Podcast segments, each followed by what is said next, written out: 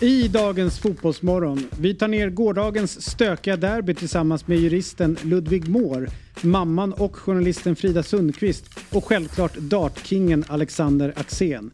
Jakob Videll Zetterström om hur han upplevde bengalkastningen och om hur vinsten firades. Vi får besök av Sofie Sörqvist, en av deltagarna i årets Robinson, där hon berättar om sin relation till fotbollen och vad som hände bakom kulisserna. Dessutom har vi med oss allsvenskans charmtroll, Elfsborgs högerback Johan Larsson. Hur långt kan Elfsborg gå den här säsongen?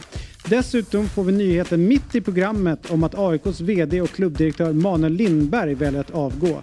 Jag, David Fjell, Jesper Hoffman, Robin Berglund önskar er en trevlig lyssning och en fin måndag. Fotbollsmorgon presenteras i samarbete med Oddset, betting online och i butik. Telia, samla sporten på ett ställe och få bättre pris.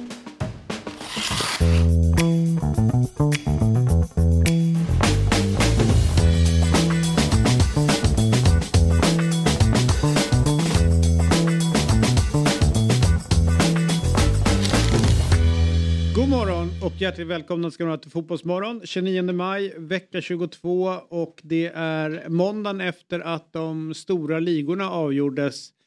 Eh, och eh, Jesper Hoffman, innan vi kommer in på den svenska fotbollen så eh, det, det finns något magiskt med en sån här helg som vi hade, eh, jag menar hela den bottenstriden i Premier League. Eh, Lutons avancemang på, i, i lördags mot, eh, mot Coventry. Det är där fotbollen är som finast. Eh, Ja. De, eh, de scener man ser. Ja, sen var det inte särskilt fint i Tyskland. Det ska min vän till vänster få, få prata om. Ja. Men att Bayern till slut går och vinner där. Vet du vilka jag är mest förbannade på där? Eh, Mainz. Ja, Ja. jävla as alltså. Ja, de Lägger för fan alltså. ja. Rädda upp den där ligan. Fast eh, låt oss inte, Nej, bort- inte börja med det, så negativa saker, för Nej. det var ju tråkigt. Ja. Eh, det som Men det är är sjukt roligt är ju ändå, jag satt ju i, hade ju en, eh, en, eh, en ganska intressant uppgift framför mig. Jag satt och kollade på BP Sirius på plats. Mhm. Eh, samtidigt då som då matchen som vi inte ska prata så mycket om, Mainz Dortmund och, eh, och Bayern mot eh, Köln spelades. Sen gick ju Luton mot Coventry igång.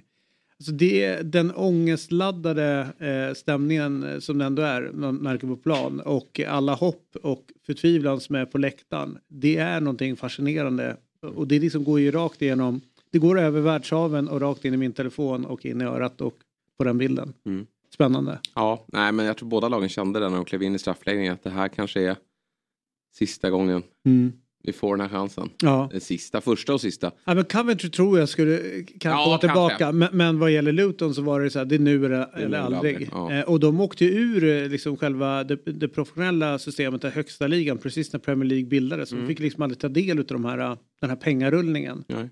Och eh, var- 10 000 tar, tar eh, arenan. Ja, kommer de få spela där då? Ja, men det tror jag nog. Mm. Det måste de få. Ja.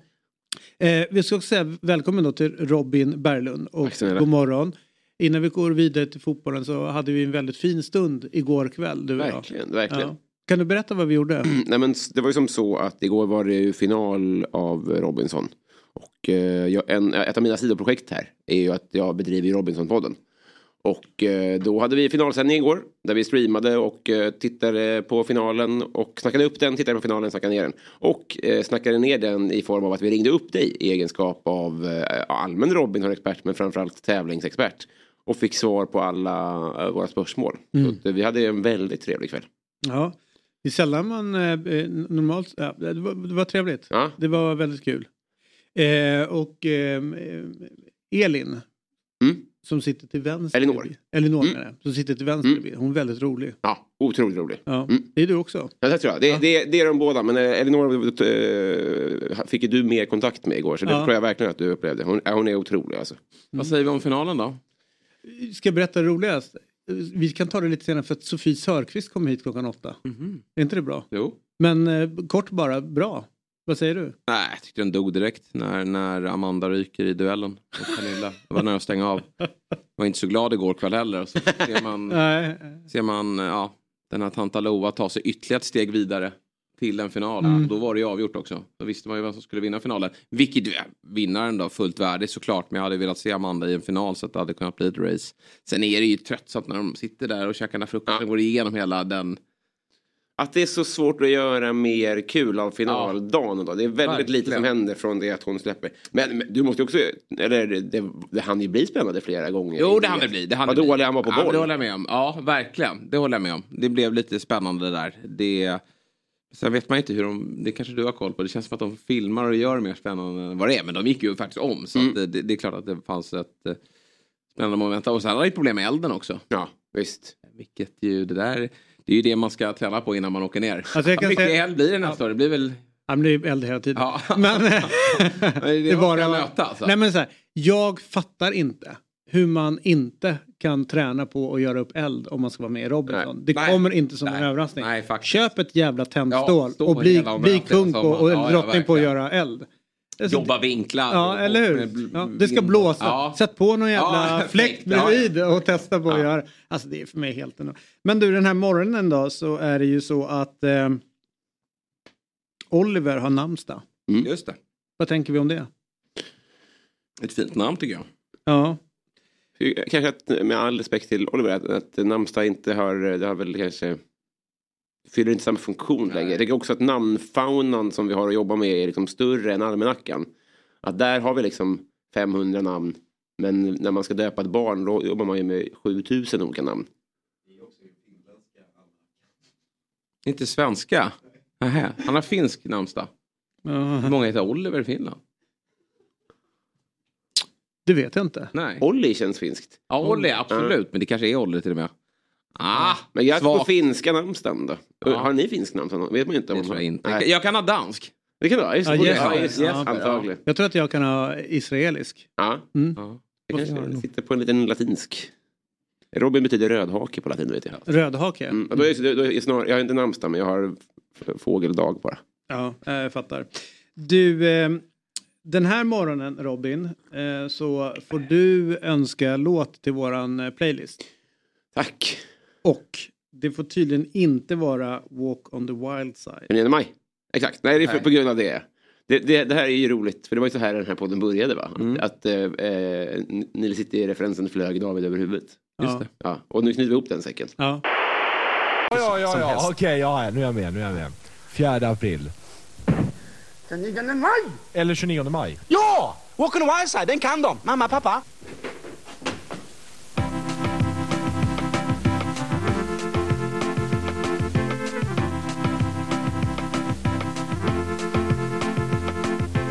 Honey came for Miami. Billy. Hitchhike away across the Like his eyebrows all the way. Shaved their legs and then it was a she. She said, Hey baby, take a walk on the water. Jag, fick reda på vägen hit att jag skulle välja en. Det är, det är man har respekt för våra gäster att det inte är en så lätt uppgift att välja en bara. Jag plockade den på uppstuds. Ja, okej då, det kanske är lätt. Men då tar jag i alla fall eh, eh, Via Dolorosa med Karakou. Sjunga lite på den. Eh, imorgon kommer jag göra det, för imorgon ska jag gå och se dem live. Och då kommer jag sjunga Så det står härliga till. Ja. Men inte just nu. Jag är lite låg. Ja. Sa du som jag lär dig något du aldrig glömmer Och jag svarar jag är kär och jag tror att jag drömmer Och jag längtar tills vi träffas Du, eh, så här är det. Eh, det är ju som så att eh, igår, jag tror att vi måste rycka plåstret va? Ja.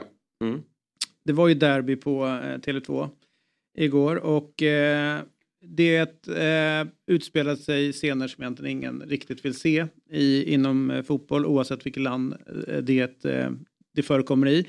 Och för er som har missat det så eh, när, eh, i samband med att Djurgården gör 1-0 så började så, så kallade bangers kasta in, kastas in från, eh, från eh, kortsidan där AIK eh, eh, hade sin publik. Eh, Det var tre, fyra stycken som small med en gång. Eh, De valde att tillfälligt bryta av matchen eh, men eh, betraktade det som en banger och drog igång matchen igen. Eh, När det var eh, bara någon minut kvar av matchen så var det några som bestämde sig för att eh, stoppa det hela och eh, kliva in på, eh, på planen dessutom där man började kasta bengaliska eldar mot, eh, mot läktaren och också mot planen och målvakten i Djurgården, Jakob Widell Zetterström som vi ska prata med lite senare. Det här eh, är såklart jättestökigt på alla sätt och vis och förkastligt. Eh, och eh, som aik så, så kände jag att det här är ju inte värdigt på något sätt den, den klubben som jag håller på. Det som, det som utspelar sig. Jag förstår att man har känslor, jag förstår att man är upprörd. Men någonstans måste man dra en gräns och den, den var passerad för, för länge, länge sedan. Det många pratar om nu är ju olika typer av straff. Och eh, vi, jag och vi tänkte då att vad finns det för straff man kan eh, ta till eh, runt en sån här incident? Och det ska vi reda ut med eh, en väldigt, väldigt fin advokat. Eh, och det är inte ofta vi får, får med oss så här eh, kompetenta människor i, i vår podd. Nej. Det här är en man som har studerat väldigt mycket och läst mycket böcker, tjocka böcker. Ni ser där bak, Sveriges rikes lag, den där Oj. feta. Är Den är tjock och har världens tunnaste blad också. Ja. Och ganska bra bok också. Svårtolkad. Ja, jag vågar inte uttala mig. Nej, det går ju och det, det är liksom inte alltid facit utan man Nej. kan ju vända och vrida på det. Vilket är intressant. Man måste ha ett rörligt intellekt för att ha, bära det här jobbet. Då var jag fel person. Ludvig Moore eh, som är jurist på advokatfirman Glimstedt är med oss. God morgon och väl, väl, varmt välkommen till Fotbollsmorgon Ludvig. God morgon. Ehm, det eh, pratas ju nu mycket om eh, olika straff som kan och bör delas ut efter en sån här incident. Eh, vilken brottsrubricering skulle det kunna bli för en, eh, en dylik handling? Eh, men man, man får nog hålla isär eh, de olika sakerna som pågår inne på arenan. För dels har ju klubbarna ett ansvar, så det är ju, det är ju en del i det. Och sen så har ju såklart eh, en, en fotbollsarena på vilken det försiggår eh, olagligheter har ju liksom ingen särställning i samhället, utan var och en som, som begår ett, ett brott inne på en arena kan ju göra sig skyldig till eh, diverse eh, eh, eh brott. Då. Ehm, typiskt sett när man har, har eh, tagit personer som har kastat in eh, bengaler eller smält bangers eller, eller så, så har det rört sig om antingen då framkallande av fara för annan, alltså att man kastar någonting och att det riskerar att skada andra personer, eh, eller i vissa fall så, så har åtminstone polisen inlett eh, förundersökning om misshandel. Så det är väl de två brotten som ligger närmast till hands eh, vad gäller eh, de enskilda. Eh, vilket straff kan man få för detta om man, om man tar båda de här två? Ja, eh, det varierar ju såklart lite, men det är fängelse i straffskalan såklart, även om jag skulle säga att typiskt sett så, så eh, utdöms böter för den här typen av saker. Eh, sen ska det sägas också, det, det nämner jag inte, men, men eh, brott mot ordningslagen är någonting som absolut kan, kan vara aktuellt här och där vet jag att det är personer som har dömts till fyra månaders fängelse eh, när, när de har eh, kastat in bengaler på planen. Det pratas också om tillträdesförbud. Hur, hur fungerar ett sånt? Ja, och då kommer man in i, i eh, ett annat regelverk egentligen och då är det, eh, dels så finns det då en lag om, om, om tillträdesförbud men SVFF har ju också stadgar som kan eh, möjliggöra det. Eh, men, men den här lagen eh, har tillträdesförbud som, som kan tilldelas personer som inte sköter sig inne på arenan och där är nu eh, längsta tid för, för tillträdesförbud tre, må, eh, tre år. Eh, men det, där får man ju göra liksom en bedömning utifrån eh, vad, vad är det som har hänt i det enskilda fallet. Men tre är liksom maxtiden. Jag, jag noterade igår att, att Niklas Strömstedt han ville att, att personer skulle bli avstängda på livstid. Eh, och det, det kommer ju inte vara aktuellt eh, i, i det här fallet. Men det är alltid... En klubb kan aldrig porta på livstid. Så att säga. Man, kan, man kan inte... Nu pratar du bara ur juridiska, tänker jag. Eh, ja, alltså eh, tillträdesförbud det är åklagaren som beslutar om och prövas av tingsrätten. Sen så eh, får jag nog passa på vad klubbarna har lite för, för mandat att göra det. De är ju ändå arrangörer och, och eh, i, i viss mån måste ju de kunna säkerställa att, att det inte blir farligheter inne på arenan och därmed neka personer att komma in. Eh, det är ju det är liksom en fin gräns det där att, att prata om vilka rättigheter man har att gå och se på fotboll eh, eh, kontra vilka skyldigheter arrangörer har att, att göra det säkert för alla andra som är där inne. Mm. Finns det någonting som vi bör, bör bära med oss runt det här från, från din horisont så att säga, just eh, det, det juridiska och eh, det som det pratas om. Vad är, liksom, vad är rimligt och vad är orimligt i diskussionen? Eh, ja, men det är en svår fråga, men, men eh, jag, återigen, jag, jag, tycker att, att eh, tifo, arrangemang och bengaler och känslor, det ska liksom få finnas på en, på en fotbollsarena.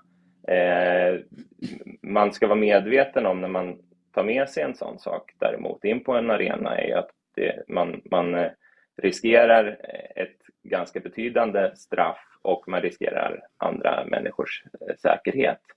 Eh, det finns ju de som säger att, att man ska sätta ännu liksom, större krav på, på arrangören, det vill säga klubben, i att, att eh, kroppsvisitera mycket noggrannare. Jag, jag tror att man, man, kan ha hur stränga krav som helst. Man kommer liksom inte komma runt det här, om man nu ska kalla det för problemet. Personer kommer få med sig eh, bengaler in på arenan eh, ändå.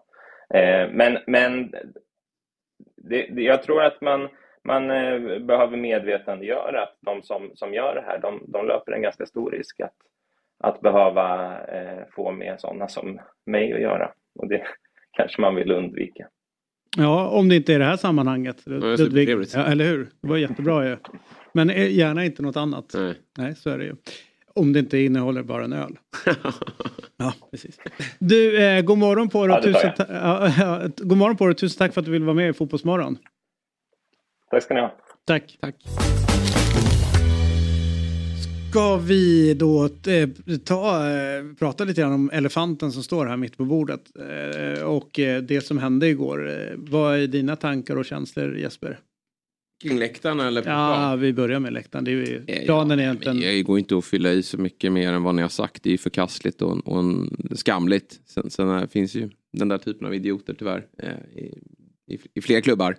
Men eh, det är, eh, ja, som, som han är inne på, jag, jag, tycker också att bengaler är ju stämningshöjande. Men, men när det börjar skickas mellan läktare, jag tror inte man är medveten om vad man kan utsätta folk för när man hivar en sån där eh, bengal ganska långt då, till en läktare där det sitter familjer och barn och annat och vilken traumatisk upplevelse även om det inte skadar någon fysiskt hur, hur obehagligt det kan vara. Så det, det, det, och jag köper inte det här med att Alltså Ultraskulpturen har ju eh, bidrar till väldigt mycket stämning på, på läktarna men, men att det här då är någonting som man bara får köpa att det måste vara med. Vadå? Det här kan man väl ta bort? Kasta bengaler och, och ta sig in på plan. Det, det, det måste man väl kunna sluta med eller?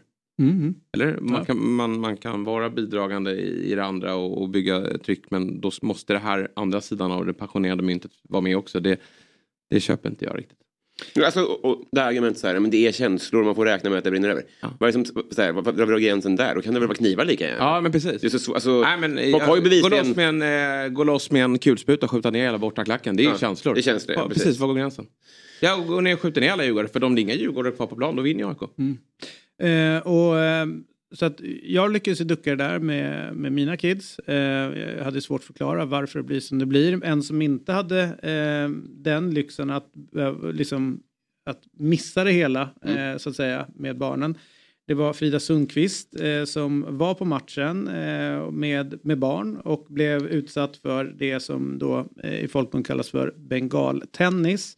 Och eh, du Frida, välkommen först till Fotbollsmorgon. Du twittrade om din upplevelse på plats. Berätta gärna hur det var för dig. Eh, ja, men vi satt på, jag och mina två barn då, vi satt på familjeläktaren precis närmast eh, AIK-klacken. Eh, och det var väl ändå, alltså fram till precis slutet av matchen så var det ändå ganska god stämning. Eh, men eh, sen så kommer den här utvisningen och det blir världens kaos. Det är, dels så är det bengaler som kastas in då. Det kastades inte någon mot oss när vi satt där. Eh, men så är det väldigt många upprörda AIK också som liksom hoppar och försöker klättra i de här näten och skriker mot barnen och indikerar att de ska här, skära halsen av dem. Ehm, och mitt i allt det här, det hinner inte gå särskilt många minuter, kanske en, två, tre minuter. Och sen så utrymmer alla bara familjeläktaren, så vi kan ju inte vara kvar. Det finns ju ingen av oss eh, föräldrar med våra barn som kan sitta i liksom den miljön, i den stämningen, med den närheten till dem när det händer. Hur, eh, som förälder, hur förklarar man eh, det inträffade eh, för, för sina barn när de får uppleva en sån här grej? Um, alltså jag har gått på ganska många derbyn med mina barn, eller hyfsat många i alla fall. Um, vi brukar prata innan alltid att det kan bli bråk. Så eh, jag har liksom jag har förberett dem, deras pappa också förberett dem. Han går också på derbyn med dem. Men efteråt så fick vi prata ganska mycket om det faktiskt. Ehm, om varför människor gör så här, framförallt om varför män gör så här.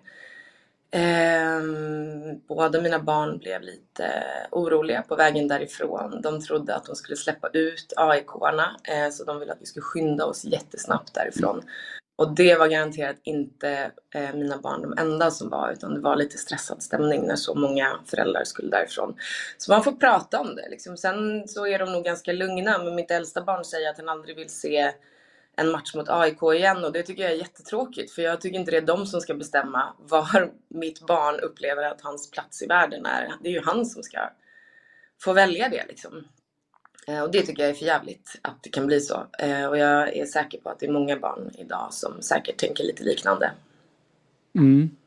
Eh, vad, eh, vad, vad, tror du på att det blir, eh, blir sådana här scener? Vad skulle du, alltså, vad tror du liksom den bakomliggande faktorn är att man eh, beter sig så här. Jag kan inte köpa att, eh, att det blir bråk men jag kan på något sätt förstå eh, när, eh, eller förstår jag, jag inte. Jag, jag fattar att två vuxna kan dyka på varandra men när, när man vänder sig mot barn på det här sättet, vad, Eh, nej men det är ju något som är fel. Jag, jag lyckades fånga de här två männen då som jag twittrade om också. Jag fångade dem faktiskt på bild och på den bilden så ser man också att det bara är de två, eh, möjligen två, tre andra bakom som står vända mot familjeläktaren och sen är det inga andra som gör det.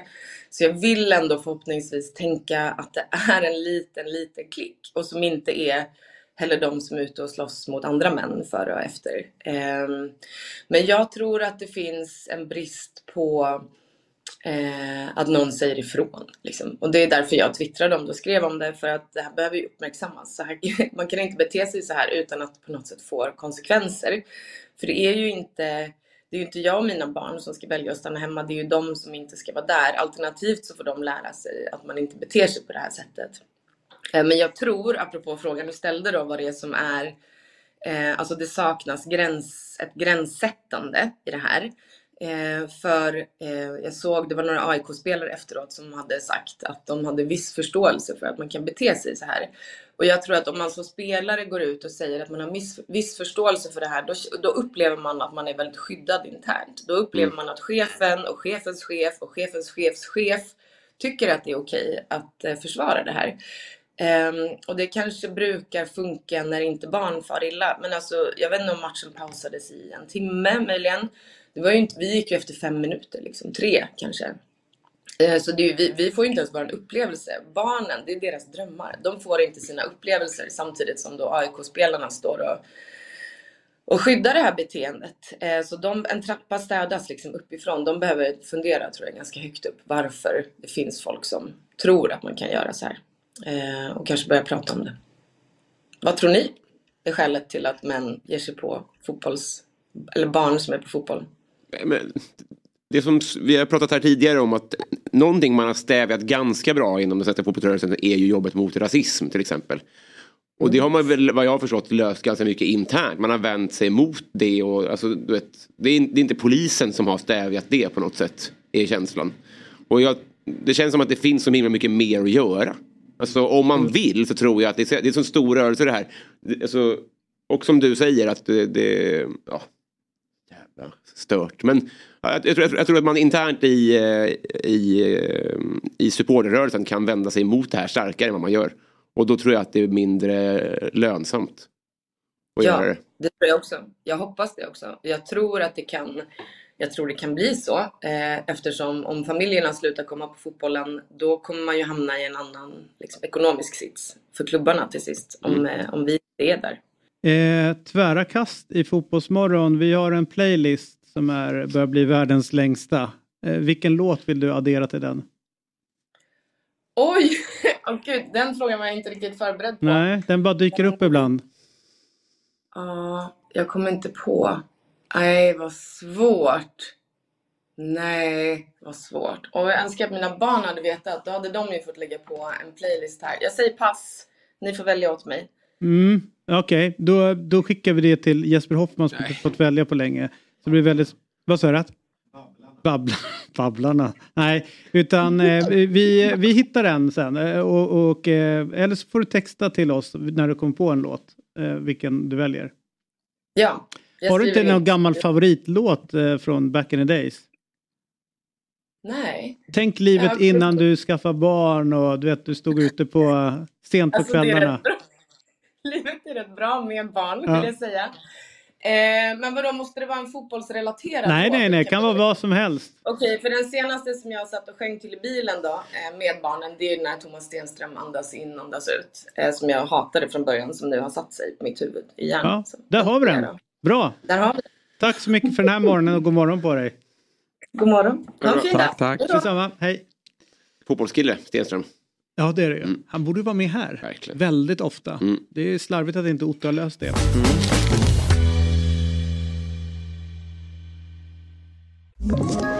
Ett poddtips från Podplay. I fallen jag aldrig glömmer djupdyker Hasse Aro i arbetet bakom några av Sveriges mest uppseendeväckande brottsutredningar. Går vi in med hemlig telefonavlyssning och, och då upplever vi att vi får en total förändring av hans beteende. Vad är det som händer nu? Vem är det som läcker? Och så säger han att jag är kriminell, jag har varit kriminell i hela mitt liv men att mörda ett barn, där går min gräns. Nya säsongen av Fallen jag aldrig glömmer på Podplay. I studion sitter alltså eh, Jesper Hoffman, David Fjell och Robin Berglund. Och eh, det, eh, det här kommer ju rulla på och det kommer liksom unfolda mer grejer runt det hela. Eh, efter igår. Eh, om man då går in på specifikt eh, eh, runt AIK nu så ska ju allt och alla avgå. Eh, är du enig? Nej. De kraven. Det är, för det första ska ingen avgå. Eh, eller för det första kommer ingen avgå, så kan Mm. jag säga. För att det, då får man ju inte sin ersättning. Avgå ingen, det har vi sagt. Avgå ingen, utan Mm. däremot så kanske det är några som kommer få sparken. Men ehm, ja, det är kaotiskt i AIK kan man säga och eh, jag ser nog ingen annan slutväg än att AIK spelar i Superettan nästa år faktiskt. Jag tror faktiskt att de kommer att eh, landa där. Det blir svårt för den här nya norrmannen att rädda upp det här. Dels för att det är som hårt tryck på dem, men dels också för att allsvenskan är ganska bra i år. Hade det varit i fjol så hade vi haft tre slagpåsar i form av Helsingborg, Degerfors och framförallt GIF Sundsvall. Då. Men i år så är det väl bara Varberg som är där då, tillsammans med AIK. Och eh, jag tror att eh, även om det kommer att spenderas ganska stora pengar här i sommar så tror jag att AIK har svårt att locka till sig den typen av spelare som gör att de fixar det här. Mm. Så det blir eh, det är tidigt in på säsongen och eh, det är många poäng kvar att spela för om. Men jag tror inte att eh, det ser jättebra ut för, för AIK. Och då är frågan vad man ska göra. Här är det två avgångsbanderoller och jag, jag tror att folk glömmer lite. Jag tror att alla i AIK har ganska bra koll på vad som har hänt det senaste halvåret. Eh, eller senaste tre åren, är ju, det vill ju du vara tydlig med och jag vill också vara tydlig med att det har varit en, en misskötsel från AIKs sportsliga ledning framför allt. Där Bartos fick eh, bära mycket av ansvaret när han fick sparken.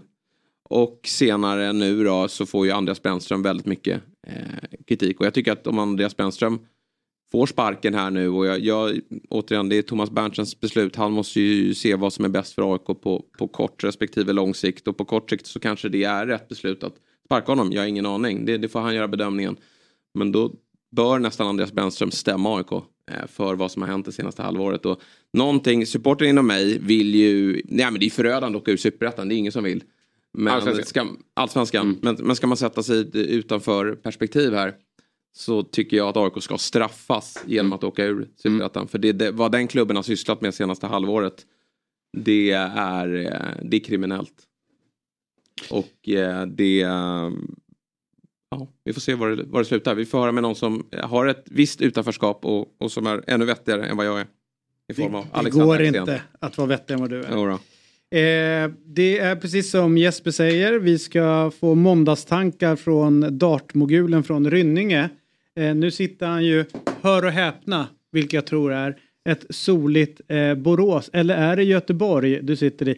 Finns det inget, Göteborg. Det är någonting som skaver med bild. Du har, inte, du har inte dina brickor på dig, det är det som är grejen. Du ser så eh, udda Ja, jag ska ut. fixa. Jag har ju ingen röst heller, det hör ni ju. Ja, va, är, är du sjuk eller är du eh, förkyld eller är du, vad har hänt? För, jag, för Mart, du gjorde ju Elfsborg-Malmö igår.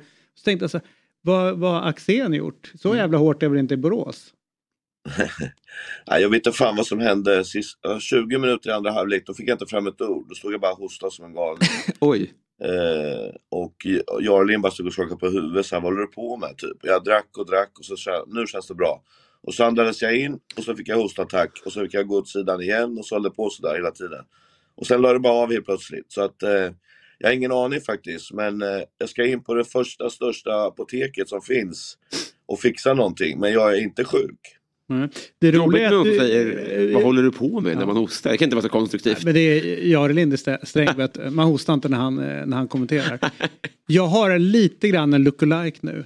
Börjar inte Axén bli mer och mer lik Benny Lennartsson? Jo, kanske. Det hoppas jag. Det vore det finaste man kan få. Ja, ja men det är, du, du, är, du är på väg, god väg. Lusa lite mer hår bara sen är du hemma. Ja, men vi har nästan samma frilla. Vi kallar ju den för Robin Hood-frillan när han var tränare. Att man tog från de rika och skickade över till de fattiga. Jag fattar, det är som mina dreads. du, eh, ja, vad är dina tankar kring det som hände på Tele2 Arena igår? Ja, men vi, vi kan inte låtsas som att vi inte visste att det var på gång. För att det här är ju, det vart ju tredje gången gillt skulle jag säga. Eh, tanken var ju att man skulle statuera exempel mot Hammarby. Men så vann man den matchen. Eh, sen var det IFK Göteborg. Då var det kryss den matchen. Så det var liksom bara en väntan på att man ska göra det så fort AIK förlorar en typ av stor match. För det är ju ett, eh, eh, ett statement mot ledningen. Det är där det är liksom. Sen har ju inte jag fått med mig än, för jag somnade ganska tidigt igår, att man hade kastat mot barnläktare och sånt där, det är för jävligt alltså. Eh, det är inte bra det andra heller, men det är ju på något sätt de vill ju på något sätt skämma ut AIK för ledningens skull. Och det, är, det säger inte att det är rätt för det, men det är lite det som det här statementet är emot. Liksom. Att nu måste det hända någonting, typ. Och eh, det är lätt att säga eh, att det alltid är AIK, men går vi tillbaka rätt så många år så är AIK de som har verkligen kommit ifrån det här. Och eh, många gånger när jag inte har liksom fattat att de inte är så arga, att de inte buar och inte skriker liksom mot AIK. Det är ju jätte, jättelänge sedan i min värld. Mot hur det var när jag var aktiv för många, många år sedan. Då räckte det med ett kryss här och där så var det jag och alla och allt det där skiten liksom. Men nu känns det som att eh, det var en droppe som åkte över när Manuel fick leka sportchef och det är spelare som aldrig tränar och det är bedrövligt spel och allt det där. Så att nu kändes det som att man har bara väntat på för, att- för att visa styrelsen att det här är inte okej. liksom. Ni brukar ju vara eh, kollegiala ni tränare sinsemellan och väldigt sällan eh, säga att någon ska få gå. Eh, hur, hur ser du på den situationen som Andreas Brännström befinner sig i just nu? Alltså det är svårt för mig att sätta sig in i hans situation, men jag tror ju att han känner ju att från början var ju allt liksom mm, riktat mot Manuel, så här, vad, vad har han gett Brännström för, för grupp liksom? För att han fick ju inte vara med och, och påverka, då tror jag att han tjänade mycket på det, liksom att det där kom fram, så hade många supportrar eh, liksom förståelse för att det är svårt att vara tränare när man inte har fått de spelarna man vill. Men sen har det ändå gått många matcher där resultaten inte går med och vi är ändå resultatinriktat, det här vi håller på med, det är elit. Du får på något sätt trolla med den skiten du har och skaffa poäng, det bara är så. Och när man inte gör det och det börjar liksom eh, frågasättas och det börjar liksom bli, liksom, vad, vad är det som händer? Och en styrelse som under ruggig press nu kommer göra allt för att försöka skydda sig själva, då är det ju enklast att dra Brännström, så är det ju. Rätt eller fel? Ja, det vet inte jag, för man måste också ha insyn i, i fotbollslaget, liksom, och vad, hur känslan är där, vad tycker spelarna? Eh, och sen är det också supportrarna där. Det går ju ganska fort. Ni kommer ihåg att det var avgångskrav på Jimmy Tillin inför hösten förra året och sen så är de eh, höstens bästa lag. Men frågan är, de som tycker att Thelin är dålig och de som vill ha bort honom, hur, vad känner de idag till exempel? Kan det förändras och varför förändras det? Eller sitter de bara och väntar på att när det går dåligt igen, då ska vi ta han liksom? För det är där, lite det som händer, när, när supportrar bestämmer sig så är det väldigt svårt att få dem att vända. Men det som är lite frustrerande nu med, med AIK är ju att det verkar som att Berntsen och, och Brännström har ganska, de, de ser fotboll på samma sätt och har en gemensam syn hur, hur det ska vända. Problemet är ju bara att det, det, är en, det är rätt många matcher kvar innan man har möjlighet att, att göra förändringar och sen ska man inte bara tro att det står sex spelare redo där den dagen fönstret öppnar utan det är ju en process under hela sommaren som som kommer ta tid och, och, eh, då har det hunnit gå ännu fler fotbollsmatcher och, och vad står AIK då? Liksom så här, är, är det 10 poäng upp till ett streck då, då är det ju kört. Så att AIK måste ju göra en bedömning idag, eh, imorgon. Om det är Andreas Brännström som, som kan rädda laget fram till dess eller om, om någon måste in. Men, men det, det gör ju ont för jag, jag tror ju på Andreas Brännström som fotbollstränare. Han har bevisat att han är en bra tränare. Men, men eh, han har ju blivit lurad när han tog det här jobbet. Det var ju, eh, för, för jag tror att återigen många AIK har koll på det men jag tror många utanför inte riktigt fattar vad, vad som har skett här och det är ju att eh, när man sparkar Bartos så, så låter man ju Henrik Jurelius som man någonstans har bestämt sig för att han ska få lämna.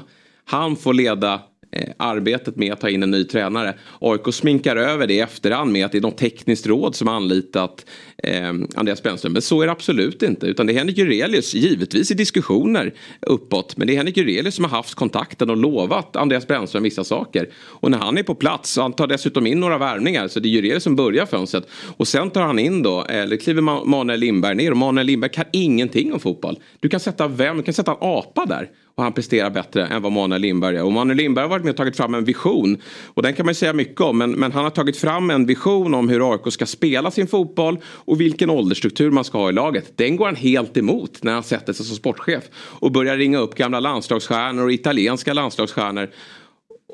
Ja, det, det, det är helt ofattbart hur en, en klubb på den nivån kan sköta, sköta en vinter på det här sättet. Sen är det väl också, tänker jag, som eh, jag håller med dig. Mm. Eh, Sen är det väl också, tänker jag, eh, Alec, att eh, som tränare och, och, i en grupp, de som är bäst betalda eh, spelarna och de som man har investerat mest pengar i är ju de som ska vara loket på något sätt. Eh, de spelar ju inte de här matcherna för AIK. De är ju inte ens på bänken.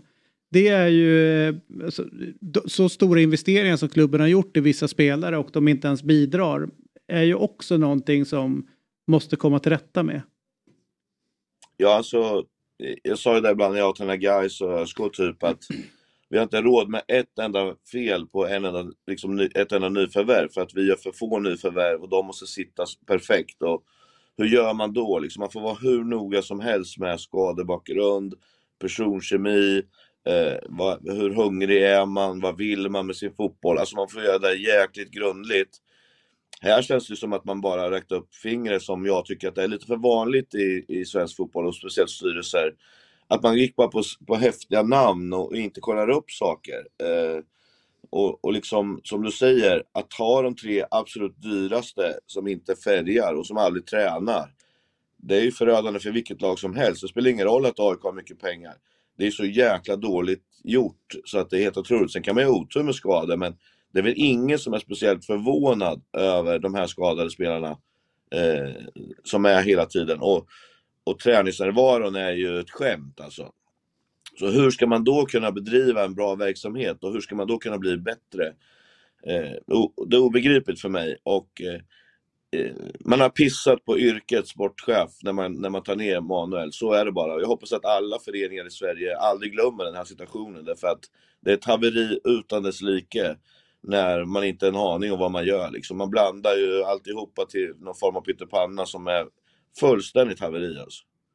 Eh, enig. Eh, det har ju... Eh, eh, skulle jag säga att eh, det är inte bara det här sista fönstret som har varit dåligt för AIK utan det har varit flera fönster ska jag vilja påstå där man har kastat ut rätt mycket pengar på spelare som faktiskt inte håller den nivån Det som... ska ju också sägas då att i, igår då, så, så är det ju en eh, nätverksträff som AIK har i samband med den här matchen. Man tar en båt då över som man alltid gör till Tele2. Och, och på nätverksträff så ska väl vdn vara på plats? Nej då, han är inte där och pratar med sina sponsorer utan han rör sig nära sporten. Så att han kan ju inte låta bli. Och han, han ju dessutom gå ut och prata om sporten i efterhand också. Han kan ju inte låta bli att röra den här sportsliga verksamheten utan han ska ju tillbaka där in och kladda och prata när han ska sköta helt andra uppgifter då nu när han är tillbaka i sin vd-post. Så att han, han har ju missuppfattat allt. Ja, och, och, och ursäkta, nu sitter du här Alex, men då måste jag också kasta in en grej. Efter det som hände igår på arenan, de scenerna man ser, AIKs tabelläge, AIKs situation eh, och så vidare, så ber sändande bolag eh, om en intervju från eh, högsta representanten från AIK. Duckar intervju. Alltså för fan, om du är vd i det här läget, du måste ta ansvar. Du måste ta ansvar för den här situationen. Du måste ta ansvar och ställa upp och, och företräda klubben. Både när det går dåligt och när det går bra. Eh, inte säga att man inte är tillgänglig. Det är för jäkligt. Då skickar de fram Brännström, tränaren, som får stå och ta all jävla skit. Liksom allt med det som händer på läktaren, Mm. sportsligt, värvningar, alltihopa. Det, är, det är faktiskt jävligt oschysst mot Brännström i det här läget. Utan någon fler måste kliva fram nu. De säger så här, "Vi- det är viktigt att vi står samlade. De flesta kliver tillbaka för att rädda sitt eget skinn. Och så får Brännan stå där och, och fejsa alltihopa och bli liksom den som alla hatar. Och Robert Falk, det är, det är de enda två som har klivit fram och pratat. Alla andra backar bort och så blir det de två som blir eh, de som blir hatade på liksom. Så att det, är- det är så många Jo, fler som ligger Falk bakom hade ju här. lite otur. Falk hade lite otur att han åkte skidor också en gång, så, där, så han har väl lärt sig någonting. Men liksom, det är det här som är skillnaden med att vara i de stora lagen, liksom, vad det betyder. Det är inte bara fränt att springa runt med någon knapp på kavajen och sen jag är med där, utan det är verkligen nu man måste kliva fram vilka man är och på vilket sätt man är och, och allt det där. Och det är alldeles för lätt att bara komma undan liksom. Men samtidigt blir jag lite trött på supportrar, eh, medlemmar rättare sagt. Ehm, vi, vi liksom tycker det är jätteviktigt det här med 51%-regeln. Det är otroligt viktigt och allting. Men man går aldrig på medlemsmötena. Och i det här läget, att, att man inte har dragit ihop ett möte för länge sedan när man ser vart det här barkar och att man inte har kompetent folk. Det är bara att avsätta, blixtfort ju. Men, men man pratar så mycket om andra saker hela tiden så man, man är inte med och påverkar det viktiga som jag ser det. Liksom. Det som är verkligen eh, din vardag. Liksom. Att man måste ju märka på en gång att det här är inte rätt gubbar. Liksom. Hur kan man låta det bara gå då så att det nästan blir liksom eh, för sent? Jag kan inte köpa det riktigt. Härligt eh, Alexandra Axén. Eh, tusen tack för den här morgonen. Det är lite mer i moll än vad vi brukar och det är inte för att eh, något lag speciellt har torskat utan det är för att eh, rubrikerna idag inte handlar om Elfsborgs fantastiska överkörning eh, eller insats eller Djurgårdens eh, tre raka segrar och, och liksom eh, vandra uppåt i tabellen utan ni får hålla på och prata om annat säkert i, i kvällens sändning också när ni gör Häcken mot, mot Blåvitt. Men låt oss hålla kontakten under, under veckan. Och du gör ett jävla jobb för eh, svensk dart, det ska du veta.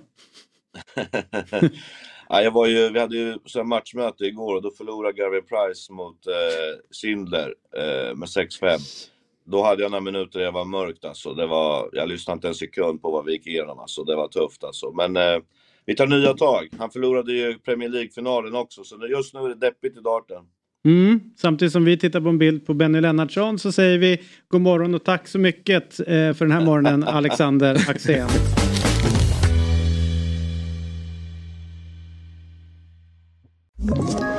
Ett poddtips från Podplay. I podden Något Kaiko garanterar östgötarna Brutti och jag, Davva, dig en stor dos skratt.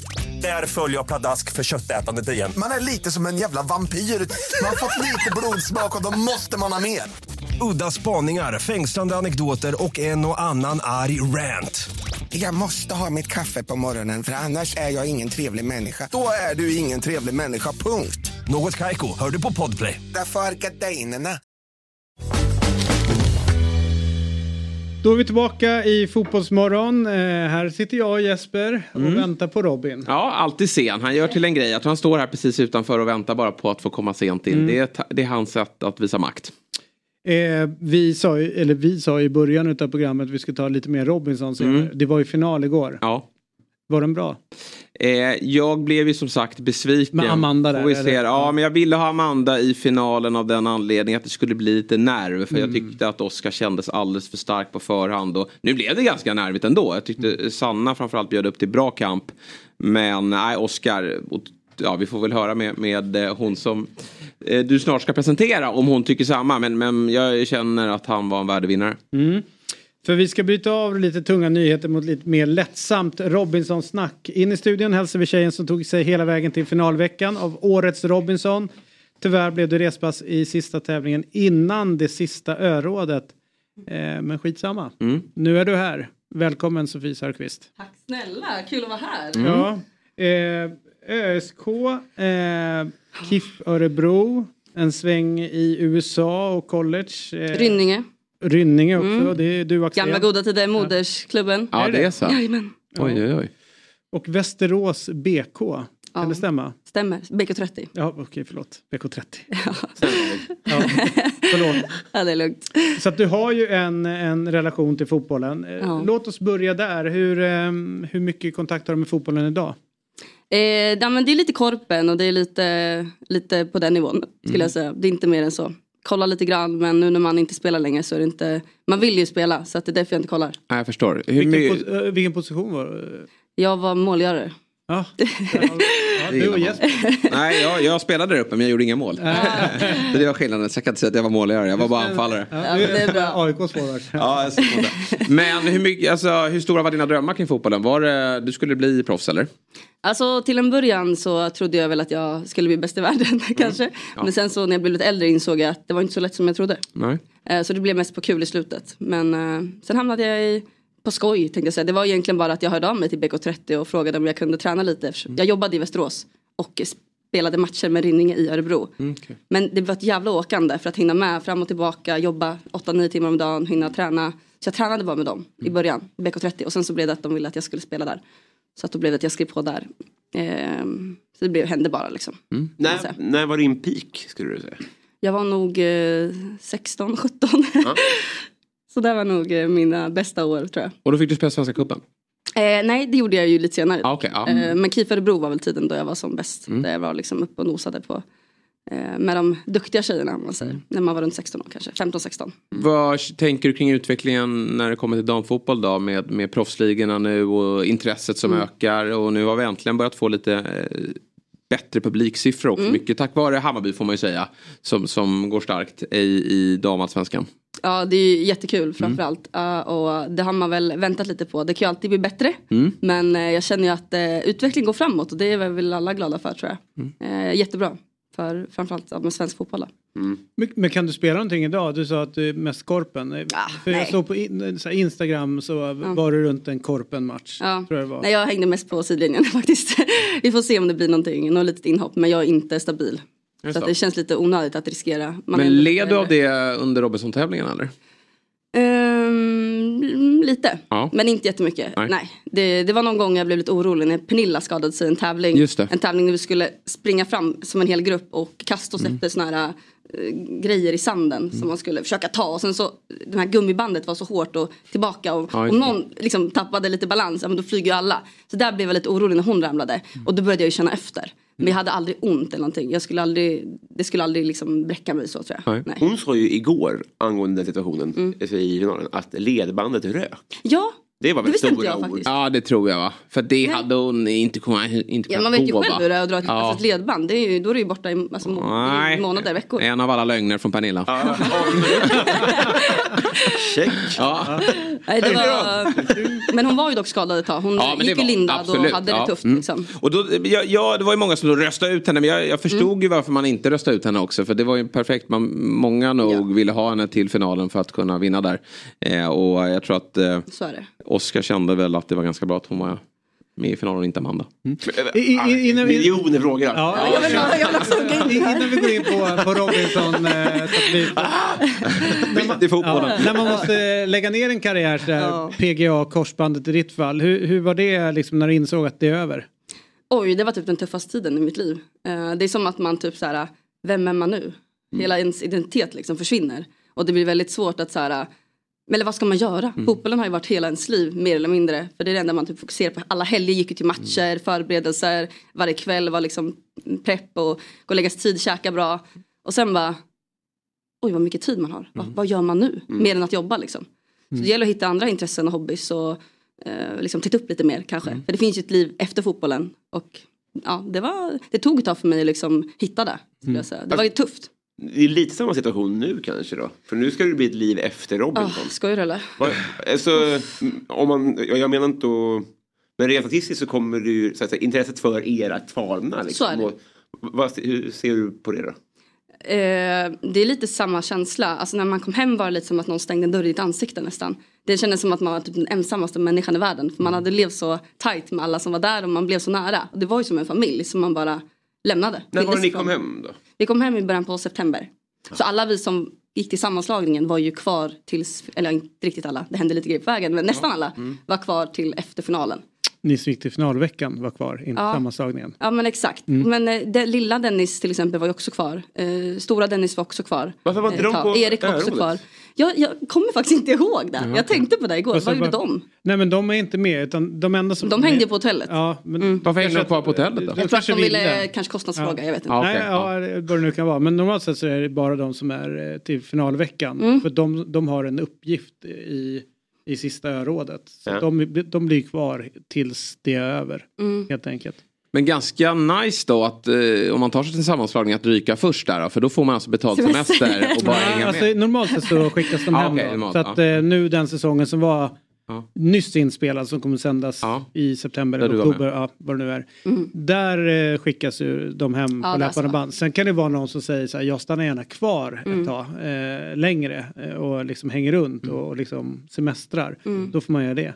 Men eh, de som har liksom eh, som måste på något sätt vara Mm. kvar eh, om du tar det till finalveckan så, så är du kvar. För då har någonting Det var ju kul att vara kvar ett, par dagar där. Mm. Jag kan tänka mig det. Det måste varit fest eller? Det var det. Ja. Men, eh, Det, det, det, det roliga med, med, med apropå den frågan du ställ, ställde så eh, det, det, jag tror att det är svårt att förstå den bubblan som uppstår Mm. i Robinson eh, när man är där. Dels den relationen som, som man får, eh, ut, vi som jobbar och, och deltagarna, så, eller vi jobbar ju tillsammans, vi Mm. gör det här tillsammans. Och att saker som man aldrig skulle tänka är viktiga i ett vanligt liv är jätteviktiga i den där lilla bubblan. Och eh, allting stängs ut Mm. eh, liksom, från, från oss allihopa. Och den, eh, den tomheten som blir när man helt plötsligt kliver ut och så ska man tillbaks till ett vanligt liv. Det var känns, tufft. Det känns jättekonstigt. Alltså det var ju både en och två och tre psykologer liksom. Mm. Efter det, här, ja, Ja, det är så. Alltså 100 procent. behöva liksom så här, man fick så mycket nya insikter när man var där. Mm. Man liksom lärde ju känna sig själv på ett helt annat sätt. Så man bara Oh, det, var, det var så mycket, man var tvungen att typ anpassa sig nästan till en ny person när man kom hem. Och bara det är ju också en Var det Någonting. värt det då? 100 procent. Ja, det var det. Ja, Ja. Även fast det tog sex månader, sju månader att komma tillbaka Ja. med liksom håret och Ja. hela kroppen. Och, Alltså det var ju en, en redig resa liksom. Ja, jag fattar det. Men Och- eh, och- 100 procent. Och nu är det en ny, en till bubbla tänker jag. Mm. Eller idag, för- idag är det slut. Ja. Är, är, är inte det skönt då? Nej, nu, nu, Nej. nu måste jag göra någonting Ja, annat. ja. Får du satsa på att bli fotbollskommentator. Ja, ja. Dubbelliv du lever. Ja, Alltså, inte det är verkligen ja. så. Det är vissa pikar, så dopaminkickar. Nu måste man ha nästa känner jag. Men eh, det som, är, eh, som jag har funderat på när man, eh, de få gångerna man åker ut till deltagaröarna, Mm. eh, tristessen. Alltså hur, hur var den att hantera med tanke på att ni är så uppkopplade idag? Eh, Mm. jämfört med när det första programmet gick förr i tiden så, Mm. så var det väl, ja men då, då fick man höra att man Ja, ska men tänk ha, om, man ska tänk ha om Martin. Melin hade åkt idag eh, och släppt sin telefon. Det hade han ju aldrig pallat. Nej. Han hade ju vänt Nej. hem efter en dag. Ja men det är det jag menar. ingen- Nu finns det, alltså, det finns ing, du får liksom ing, hur, hur var det liksom att sitta på den där äh, jävla ön och trycka? Alltså ja, det, det, det är som du säger, det är en, alltså, det är en sån tristess. Och man, ibland vill man ju bara slita av sig håret och typ Mm. simma till en annan ö. För att man vet inte vad man ska ta sig till. För det är så tråkigt. När man, framförallt de dagarna där det inte var någonting som hände. När man bara gick och väntat på att någonting skulle hända. De dagarna är ju som sju år liksom. Mm. Men telefon var, det var tufft. Jag är ju också ständigt uppkopplad. Jag har bara en telefon, jobbar alltid på telefon. Så det var ju en chock när man satte på den första gången. Alltså jag fick ju, jag fick ju panik första gången. Och när det stod liksom över tusen sms och det var så mycket att ta ikapp. Och vet, bara den stressen, det första du tittar på i din telefon. Alltså jag typ slängde den i väggen direkt. Det var nästan, det var så, egentligen var det så skönt till slut att inte behöva fundera på telefonen. Man verkligen kunde fokusera på sig själv på ett helt annat Mm. sätt och lärde känna sig själv. Så att, det var, det var skönt men det var jävligt jobbigt i början och bara undra. Man undrade, det var, fot- det var VM, det var ju fotboll, det var Ja. grejer som hände och vi försökte ju få fram information från Ja. produktionen men de var ju stenhårda. Sa inte ett ord om någonting. Hur, hur många visste att du var på Robinson då? Eh, det var mina närmsta, mamma, familjen, Mm. de som man pratar med alltså, dagligen. Jag Ja. pratade med morsan säkert fem, sex, sju Ja. gånger om dagen. Så att hon visste ju. Och eh, alltså med kärnfamiljen och min bästa vän. Ja. Som tog allt mitt jobb, skötte mitt hem. Ja, det var så. Och vad sa, till, vad sa du till de andra? För det är roligt det att höra är- allas eh, bortförklaring. Ja. Eller så här, jag ska dra, dra på Ja. retreat. Och jag, som, ja. ja, jag hade så många. För jag drog ut till Frankrike och Monaco precis innan. Så många trodde att jag blev kvar. Mm. Jag vet inte vad de trodde att jag gjorde där men att jag blev Prins kvar där. Albert gillar ju yngre. Ja. Mm. Eh, några... jag tänkte, ja ja. Några trodde att jag var sjukskriven för jag har jobbat stenhårt innan, innan eh, under sommaren och så. Några trodde att jag tog tjänstledigt. På vårt jobb är det lite så här, om du är borta, du blir inte påhoppad. Bara, Vad gör du, varför är du inte här? Utan folk respekterar ändå. Och så här, förstod, många tror att jag var sjukskriven, tyvärr. Hur många fattade? Eh, tyvärr så hade jag ju sagt till några att jag skulle söka till programmet en tid innan. Ah, okej. Och det är ju det sämsta du kan göra. Mm. Om du ska söka till Robinson. Och sen blir du helt plötsligt borta. Då är det så här. Men om du, jag är ju sån här som svarar jämt också. Sitter där och Mm. och sen bara dör man liksom från telefon. Ja. Det är klart att folk börjar undra vad jag håller på med. Och kontakta min mamma var det många som gjorde. Vad gör hon? Då fick hon skylla på att nej men hon, hon svarar inte mig heller. Hon jobbar mycket. så att det var så här. Hon var lite sjukskriven. Jo, hon jobbar mycket också. Bra upplägg. Det var så många olika. Så att det var, men jag tror ju ändå, jag har förstått i efterhand att det är många av mina vänner som förstod att jag var iväg. Men när man får då tusen sms, man öppnar en massa Ah. notes. Vad var det värsta du hade glömt? Var det betalningsanmärkningar eller var det att du hade glömt att säga till jobbet att, att du var borta? Alltså vad... Eh, nej men just det, chefen fick ju veta. För Mm. jag lämnade Ja, under den menar det. tuffaste perioden i jobbet. Så det var ju liksom så här, får man åka eller inte liksom. Mm. Eh, men det stöttade han 100%. Men det var, det, var, det var bara så mycket och det var så mycket skvaller och det var så mycket som hade hänt och det var, åh gud, alltså, jag vet inte det värsta. Det var mycket jobbgrejer såklart. Är du nöjd med eh, hur du speglades i tv-sändningarna? Eh, jag är lite förvånad över hur jag är speglad. Jag är väldigt lugn på tv och väldigt så här, cool tjej liksom. Eh, OK på tävlingar. Gör varken det ena eller andra. Så Nej, men jag är kan ju- Du har ganska fått jättemycket neutral. hat mot dig. Du, du, Nej, det har jag inte fått. Nej. Så. Eh, absolut inte. Men det var ju tuffare att vara där än vad som syns på tv också. Ja. Jag hade det riktigt tufft Ja. faktiskt. Mm. Det var ju drop-in och det var liksom eh, kollapsar och det var... det- Jag hade ju väldigt tufft innan också med så här, bakterieproblem och tvångstankar och annat. Så det var ju min anledning. Varför jag åkte var för att jag ville bli fri från allting det här. Otroligt. Eh, Vad förvånade dig inte kom med i tv?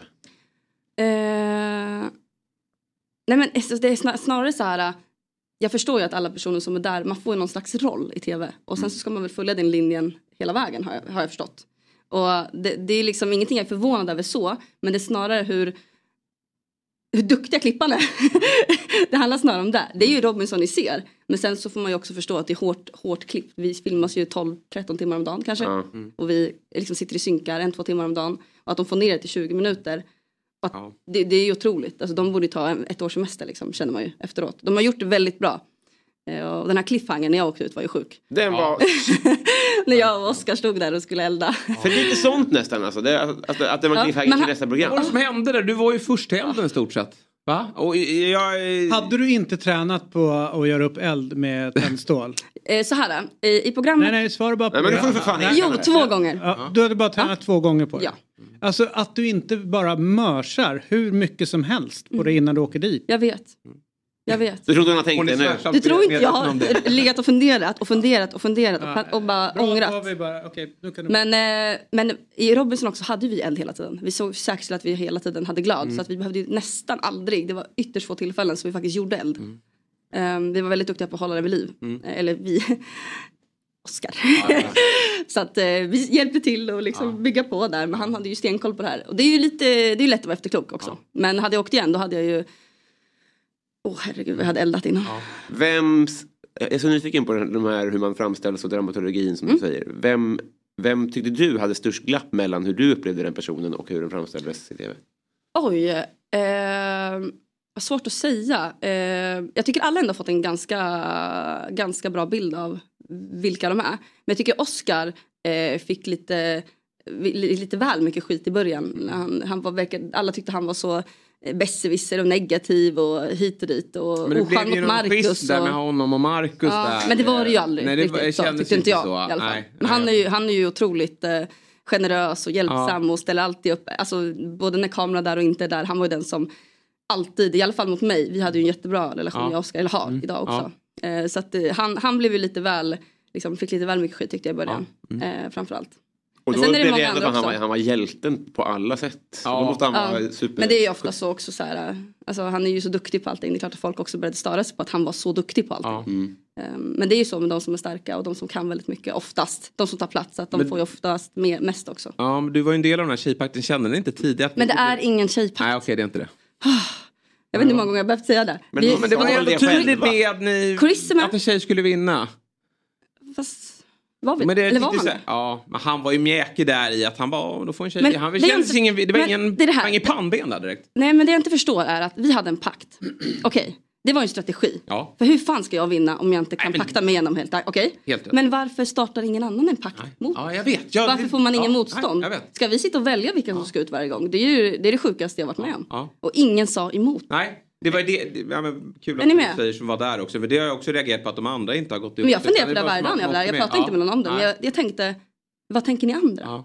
Ja. Ser ni inte att ni kan ha en majoritet? Ja. Mm. Om ni bara går ihop? Ja. Vet. Va? Men ändå så ska, kommer man och frågar, vem tar vi ut idag? Ja, ja, exakt. ja. Du ska åka där också. Det är ju faktiskt helt sjukt om vi ska Ja. vara ärliga. Ehm, Så på det sättet gick det, det gick ju väldigt schysst till om vi ska Mm. vara ärliga. Ja. Eh, Det var ju aldrig några så här, inte från mitt håll i alla fall, Nej. bakom rygget slängningar utan det var verkligen öppna, öppna raka kort liksom. Alltså det, har vi, det tror jag vi har varit tydliga med också. För att ofta så finns det en stark pakt i Mm. den här typen av program och då, då är det ofta de, de framställs som de onda. Ja. De, var ju, de var ju aldrig... Men vi hade ju, vi, var ju så, vi, var, vi hade ju så kul och vi var så glada jämt. Men det kanske inte framgår riktigt. Men Jo, fan. vi hade ju, alltså vi, det var ju, alltså vi hade så roligt. Jag har aldrig skrattat så mycket i mitt liv som när jag var på Robinson. Faktiskt. Nej, kul. Alltså hela gruppen också. Sen ser det ju väldigt splittrat ut. Men vi var ju en väldigt fin grupp ihop. Mm. Alltså vi hade ju, vi pratade ju varje dag. Ja. Senast nu i morse allihopa. Vi har ju en sån här gemensam chatt. Ja. Vi ska ha finalfest också på lördag. Ja. Så nu är det mycket planering. Vad ska den, vad ska den vara någonstans undrar Robin? Som har Robinson-podden. Ja. Exakt, exakt. Eh, den kommer vara lite, lite uppdelad. Den kommer vara en, nästan en hel dag. All right. Så vi kommer börja... Vem, är alla med? Är det någon som inte... Ja, det är några som inte kommer kunna komma. Ehm, Pernilla är kvar i Göteborg, hon ska ha någon fest där på ön. okej. Erik har en fight så han kommer eventuellt efter den Ja, okej. eh, i Västerås. Han Alltså, kommer alltså, vara helt... Sport. Ja, alltså, MMA. Ja. Ja. Nej, sur på- på kusin. Nej, han och Pernilla ska göra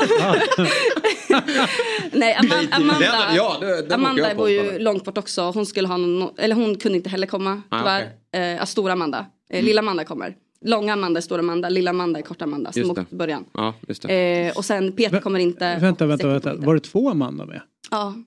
Lilla Amanda åkte i början, hon blev väldigt sjuk. Hon låg, eh, Just det- man det. såg lite klipp på när hon Ah, låg liksom, ja, på- backen precis. i början och bara Ja. kaskadspydde grönt. Liksom. Mm. Oh. Jaha. Och den, men den Amanda Eliasson tror jag hon heter? Ja. Hon kommer inte. Nej, hon kommer inte heller. Ah, okej. Eh, Men är ni, är ni bättre kompisar nu än på ön? Alltså, ju längre programmet gick, Mm. desto mer blir det ju att folk bara, jaha, så du det här om mig? Just det. Jaha, jaha. Så det, blir, det har blivit lite så här små, När man har men vi är ändå en, liksom. ja. Mm. Eh, Förlåt, Fabian kommer inte heller. Mm. Eh, Jag som håller på att styra upp det här nämligen. Jag har, koll. ja, jag har koll. Eh, nej men eh, alltså, ja, alltså, relationen växer ju. Och framförallt vi som bor i Stockholm, det är lättare på ett sätt. Men samtidigt, jag och Oskar, vi ska dra iväg och kampa nu i, eh, i juni. Ni kör en egen, utan kamera. Ja. Eh, när jag och min brorsa och eh, Oskars tjej ska ut och eh, Oskar var iväg och rekade lite platser i, eh, nere i Småland i veckan. Så vi ska dit och köra lite torr, torrflugfiske ska vi göra. Ja, så att, coolt. eh, jag hänger på där och Helt rätt. det blir Helt kul. rätt. Vad fan är torrflugfiske? Fråga Oskar. Är det inget vatten eller är det flugan Jo, som är jo. torr? jo, det är ju flugan. Det är Den är torr? finns. Ja. Okej. Så att, eh, ja. Jo, kommer han på festen? Vad heter han? Frisören från Södertälje? Eh, Nej, faktiskt inte. nej. Han har inte riktigt varit med i jag dialogen på det sättet. Eh, Jag har faktiskt aldrig pratat med Säck. Och han hamnarbetaren från Göteborg? Fabian. Ja. Eh, Nej, han skulle inte komma. Eh, Fabian kommer inte, han är Nej. också uppbokad. Mm. Men jag tror vi är 13-14 pers. Ha, kunde ni han- bonda med fotbollen? Jag och Fabian? Ja. Eh, ja, men han är, de har ju fått mig att titta mycket på AIK nu och sådär. Ja, okej. Eh, Carro och Stor-Dennis. Stor-Dennis kommer ju också. Ja, ja. Han är ju kul. Är AIK alltså? Ja, Mm. tydligen. Och Karo noterade det på någon bild. Ja, så hon drog med mig på någon match här. För... Bra, bra att du kommer in i värmen. Eh, Det är bara, kär, det är bara kärlek. Kasta en bengal igår. Först. Ja, visst. Men eh, det är viktigt att få med en sån här... Ja, eh, rånarluva. en Ja, sån, ja. rånarluva. Det är väldigt kallt om ansiktet. Men jag har ju lite relation med AIK. Jag sa det till eran kille här ute. Min låtsaskusin spelade ju där förut. Ja, Ahmed Yassin. Ja, så det är ja, lite så här okej. familje... Ja, det beror jag, just men inte det. längre. Nej, jag men, fattar. eh, Ja, okej. det var ju tidigare. Låtsaskusin, hur... eh, Brorsan, hel, brorsan och jag har samma morsa. Mm, så det är de som är helkusiner. Jaha. Men vi är ändå... Aha, vad mäktigt. Ja. Eh, Han, Han ju, han har ju en fin karriär bakom sig men i Mm. AIK så var det väl sådär va? Ja. Som många andra. Mm. Du, eh, hur mycket eh, användning hade du av eh, just att vara ett fotbollslag och, och vara en grupp och liksom driva på? Hur mycket användning hade du det inne i Robinson? Eh, mer än vad jag faktiskt trodde. Eh, framförallt när det kommer till mycket så här ledarskapsgrejer. Det blev ju ofta att jag blev kapten också. Jag tror jag var det tre veckor i rad, alltså alla veckor i rad sen när Chris ett lag. Var du kapten i fotbollen också? Ja, distriktslag och sånt där var det en hel del sånt. Och nu fixar du fest och du Ja men det jag är ju och sån fin där. Jag Jag, förstår. vill ju gärna liksom säkerställa att det blir bra och att eh, koll på läget och sådär. Men det kanske borde ställa frågan till dig. När, när kommer en fotbollsmatch mellan lagen? Alltså det vill man ju se. En, en, en två mål Åh, och en match, gud, vad eller kul. hur? Lag nord mot syd i början där. Det hade ju varit, eh, Innan får en middag. Ja, en middag också. Alltså, det Du, det skulle boll. bli Det är kaos. lite för mycket Det skulle bli pussel värre än AIK-matchen. Ja, exakt. Nej, det, det måste ni fixa. Mm. Ja, men jag tar med mig det. Ja, bra. Ja. Till. Det är ju inte Eh, Åtminstone en straffläggning. Ja, en straffläggning. Match är ju lite, kanske, kanske blir lite pajigt då. Men straffläggning är ju bra drama. Det, var, det var ju det, så var det det Boba rök på. Just det. Han... Sin egen personliga sak var i bollen. Och så Ja. fick han en straffläggning på slutet. personliga saker. Vem? Men det var ju jättelänge sedan. Det här är alltså 90. Det här minns inte jag. någon- Jag Nej, men det är extremt långt. Alltså i början. Mm. Robinson. Hade de en straffläggning Ja. då? Det är ju Boba för- Badji. ja, bra namn. Mm. Ja. Men. Babba. Ja. Vem var det som stod i mål då? Ingen.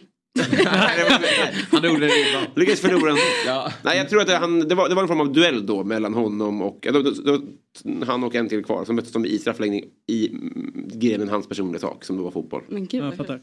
Och du, innan vi släpper dig Ja. eh, så, eh, så ja, jag behöver inte säga att den är fetaste och längsta men vi håller på med en playlist Ja. Mm. där man ska plocka ut en låt och liksom addera in till den. Oj, Och sen finns den på Spotify. wow. En musiktjänst. Jag hade gärna tagit den låten vi håller på att göra nu. Malaysia, den här Gränslandet-låten. Vi håller på att spela in den nu så vi släpper Aha. den på Spotify. Men den är inte ute än. Jag är inte klar. Eller jag håller på... Vad ni håller på med en låt? Vet den här, de gjorde en låt på Gränslandet. Ja. Jag tänker inte sjunga nu men Nej. den är jättebra. Den är många som nynnar på den. Men jag skulle säga Kaskada Every Time We Touch. Det är min go-to-låt innan Oj, match. oj, oj. Mm. Vi Känner du till Ja, den? tror fotbollslåten. Ja men det är klart du vet Ja. det. Ja, just det. Just det. Ja, men den är trygg. Ja. Det är låten. Bra.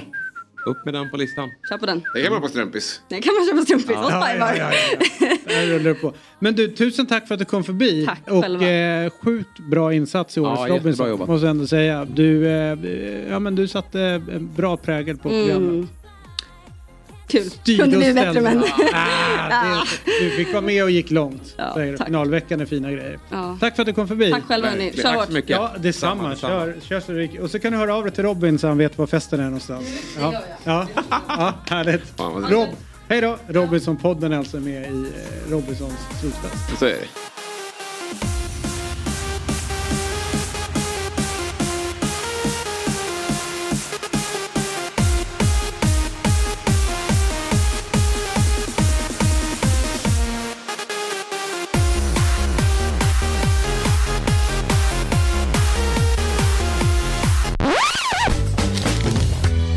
Tänkte säga. Ring upp mannen i biblioteket.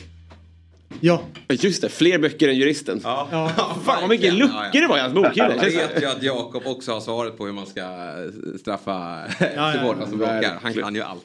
Den här mannen har varit borta större delen av vårsäsongen och visst har det märkts. I de två senaste matcherna har han dock varit tillbaka mellan stolparna och det har också märkts. Två raka segrar, segrar två raka nollor och gårdagens match slutade dessvärre inte i dur.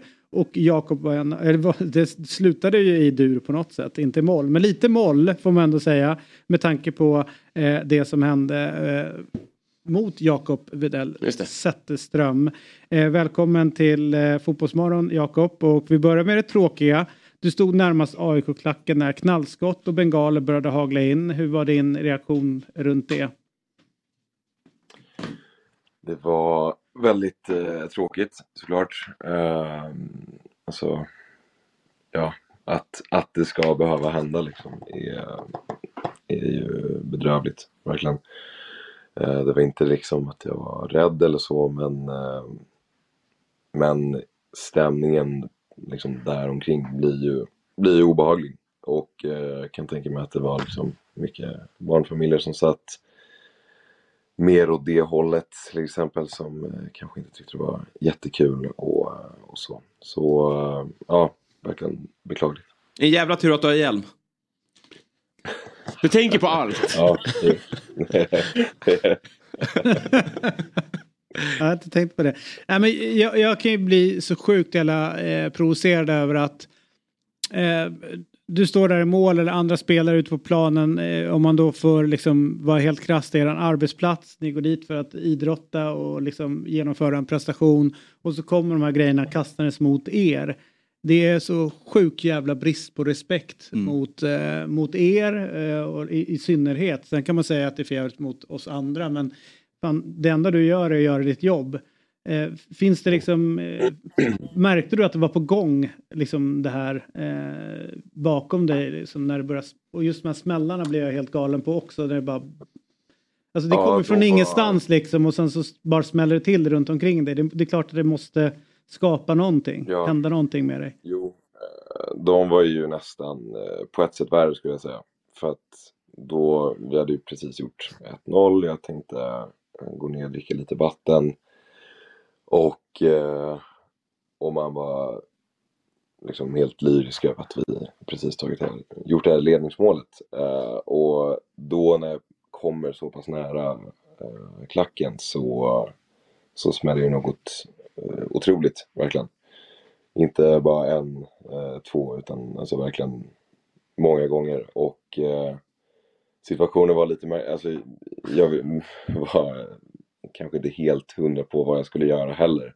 Jag vill liksom inte bara springa iväg från målet utan att jag har fått några tecken från, från domare eller så. Men, ehm, men Tommy Vaiho står och viftar frenetiskt vid, vid sidan att jag ska komma upp och så. Eh, och eh, ja, eh, öronen fick ta en liten, liten smäll. Men, ehm, men eh, just de där smällarna var ganska, ganska obehagliga med tanke på att jag var så pass nära. Bengalerna, då står jag lite längre upp i plan. Jag hinner jag ser att en trillar ner bakom mig och sen så kommer en studsandes ganska, ganska nära mig.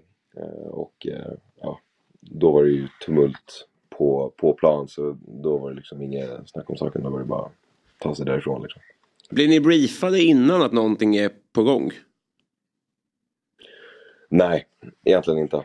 Alltså, det... Nej, Det egentligen är väl inte. bra Vi- kan jag tänka mig det också. Annars ska du gå runt och oroa dig för det liksom. Ja, precis. Precis. Ska, ska jag gå liksom kolla mig över axeln så, så är inte det toppen liksom. Ehm, men, Stå med eh, ryggen nej, mot planen. Det hade ju för sig räckt Hände igår. inte så mycket ändå. Det hade ju räckt igår. Ja, men- ja. Kunde kört flygande målvakt igår. Ja, verkligen. Rädda fler grejer från det hållet. Men eh, eh, vad var det som hände, det här tumultet på plan? Är, är det någon som vet eh, och lyckas reda ut varför blir Otieno utvisad? Vad är det han gör i den situationen? Eh, som jag förstår det så, eh, jag, jag vet inte riktigt, men som jag förstod det så gav han sig på liksom, först, först eh, Bessard och sen Joel. Eh, men, eh, men jag, ja, jag vet inte. Han är så ger, jag tror han ger Bessad en, en, en smocka liksom. Ja, Så att jag en var- snyting, Jag såg den, liksom. den Och var, den var sen- korrekt. Ja, ja, jag, jag, jag tror Ja. säkert att det var korrekt. Det, Ja. var, för jag, jag, det var så mycket annat Ja, som, ja, det hände. Ju- som drog igång med, med, det där, med det där tjafset. Jo, Och precis. Och tv-bilderna visade väl inte riktigt den biten heller. Utan, Nej. För det var ju, det blev väl två små klungor där. Sen, sen blev det en väldigt märklig diskussion tycker jag. Eh, I, eh, dels att jag tror det var Per Hansson som för övrigt jag tycker är jätteduktig eh, som lyfte det och kanske någon annan. Att på något sätt att spelarna har ett ansvar att bete sig på ett visst sätt så att det inte ska spillas ut på, på läktaren. Samtidigt som vi vill ha känslor, vi vill ha kamp på planen när de här två lagen möts i synnerhet. Eh, liksom att på något sätt det här gruffet var liksom det som startade allting annat. Jag kan inte liksom lägga ihop de två grejerna utan att vi vill ju ha kamp. Vi vill ha, jag vill inte att någon liksom pucklar på någon men det är att några står och puttar eller du vet så på, under en derbymatch.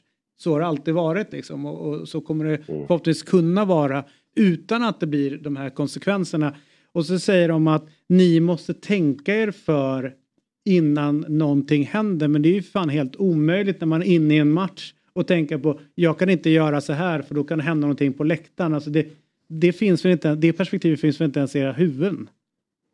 Nej, eh, det är eh, lite svårt för mig att säga för att jag står ju liksom ofta väldigt långt bort från eh, där det händer liksom. Så, så för mig är ju beslutet att alltså om jag, om jag liksom ska, ska ge mig in så måste jag i första hand, i det här fallet rush på 50 meter. Um, så, så då blir det inte lika impulsivt för min del men alltså absolut, är du där i stunden, det kommer folk och gruffas vare sig du gruffas eh, själv eller inte. Eh, och det är adrenalin och det är Eh, 26 000 på läktarna som, eh, som skriker och eh, jag, jag förstår att det blir, det blir svårt. Speciellt kanske i en satsning som då liksom föranledde det här. Där ja, en, en, liksom, en kollega, en vän verkligen får en rejäl smäll och så uppstår det ännu mer tumult och, och man vill kanske Eh, stå upp för, eh, för eh, ens, eh, ens vänner. Liksom. Så, så jag, tror, jag tror verkligen att det är eh, svårare än, eh, än vad man eh, vad man kan tänka själv. Men som sagt, jag är målvakt, jag står 50 meter bort och för mig är det kanske lite lättare att, att inte eh, liksom, ta del av det hela. Mm. Men du Jakob, förvånande ändå att du stod i mål igår och mot Häcken. Det lät ju på dig och, och klubben att det skulle vara en comeback efter uppehållet. Vad är Mm. det som har hänt med tummen?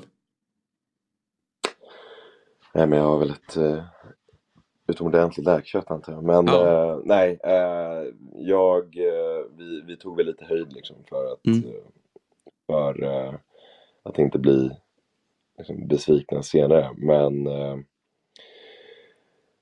men för det första som jag sa liksom, när eh, vi pratade om det när skadan kom så när man säger våren ut i, i Allsvenskan så, så låter det som att eh, det, låter mycket värre än vad det kanske är. Det, det handlar om eh, åtta matcher på sin höjd kanske. Men eh, läkprocessen gick bra, eh, rehaben gick bra och eh, fick en, eh, en ortos, en skena att ha i handsken. Och när jag då tejpar upp eh, tummen så med den här skenan så, så hamnar den inte i något ogynnsamt läge. Och då fick jag klartecken. Och eh, då var det liksom bara, bara att köra. Och egentligen komma in i, eh, komma in i fotbollen igen. Så eh, ja, det gick väldigt mycket snabbare än eh, vad som var tänkt. Men, eh, men liksom inte, det var inte månader före, före schemat. Liksom. Vad är det med IFK Lidingö? Det är du, jag och Filip Sidklev som gör att det fostras så bra fotbollsmålvakter. Ja, det är, det är otroligt. Det är, Jag och han har ju lite samma målvaktstränare. Du kanske också har haft eh, Antonio är det ett namn som... Nej, jag var före honom. eh, Så att vi hade Ja, du var direkt- honom. ja, Tänk om du hade fått jobba med Antonio. Ja, alltså, då hade jag inte suttit här.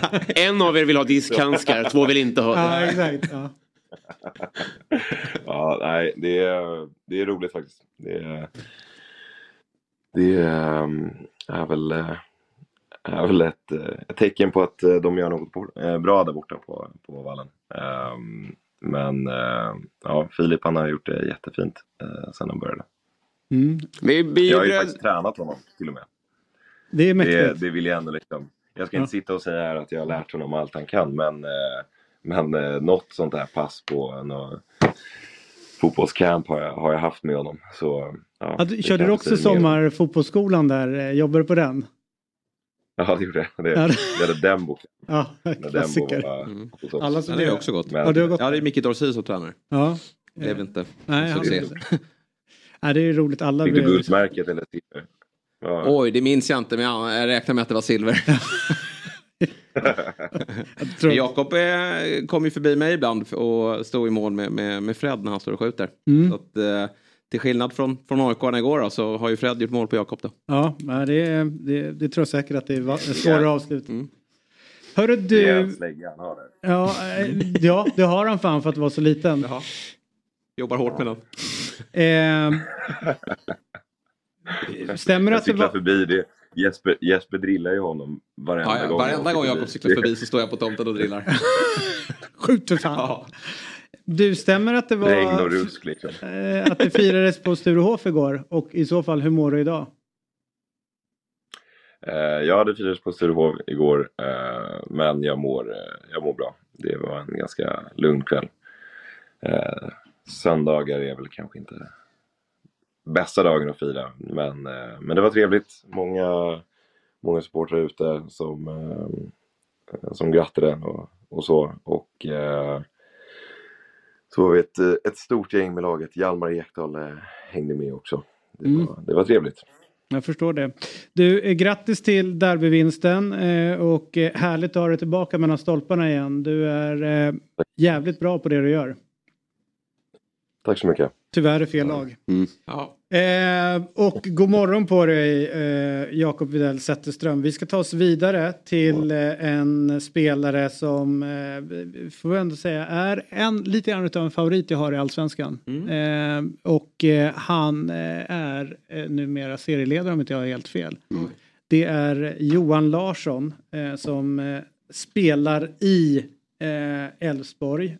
Och det är med stor glädje vi hälsar honom välkommen till Sveriges enda morgonshow. Får vi säga det så? Är Ja, vi så är kaxiga nu eller? Och fotboll i alla fall. Ja.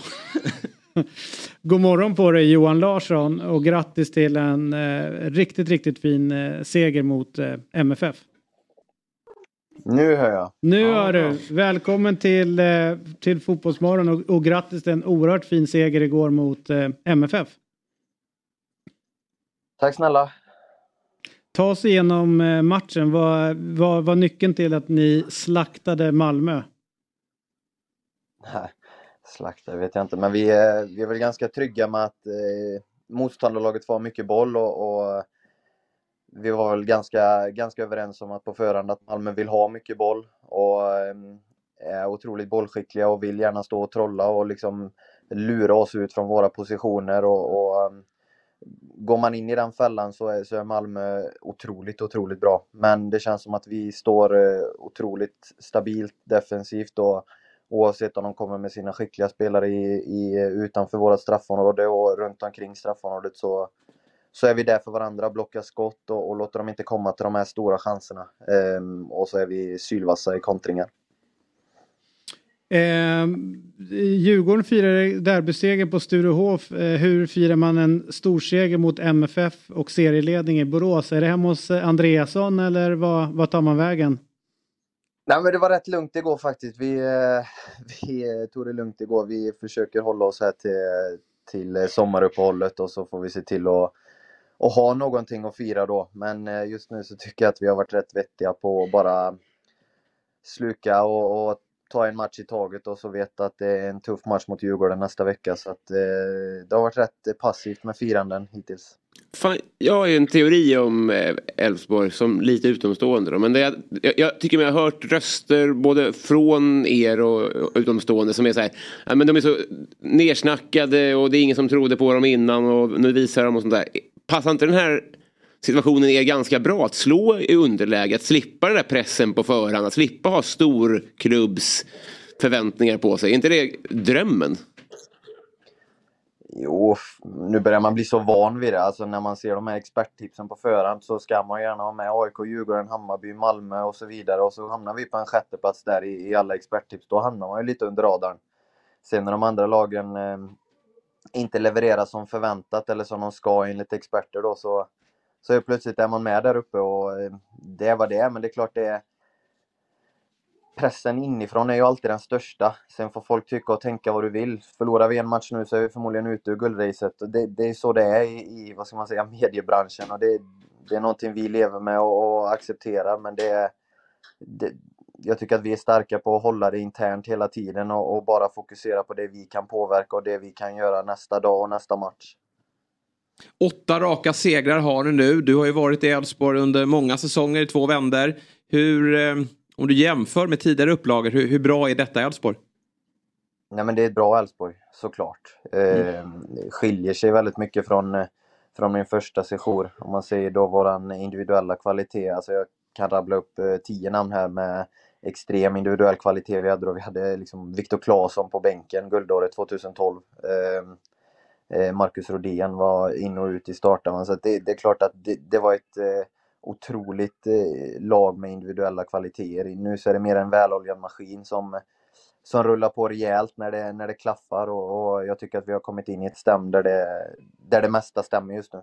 Hur ser du på hotet att ni kanske blir av? Eller, vi vet ju att ni kommer tappa Ondrejka i sommar och, och kanske att det, det är några andra spelare som drar till sig intresse. Hur ser du på det hotet?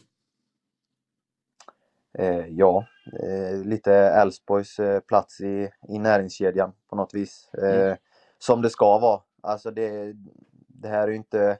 Vi har Bernhardsson också som eh, hade inte han på en skada här så tror jag att han hade varit eh, extremt aktuellt för att, för att flytta till någon större liga och större klubb. Men haft lite otur med, med småskador här och, och um, det, det är ju en del av gamet men när någon, eh, när någon försvinner så är det dags för andra att steppa upp och jag tycker Ahmed Kassem har gjort det fantastiskt här i frånvaro av andra.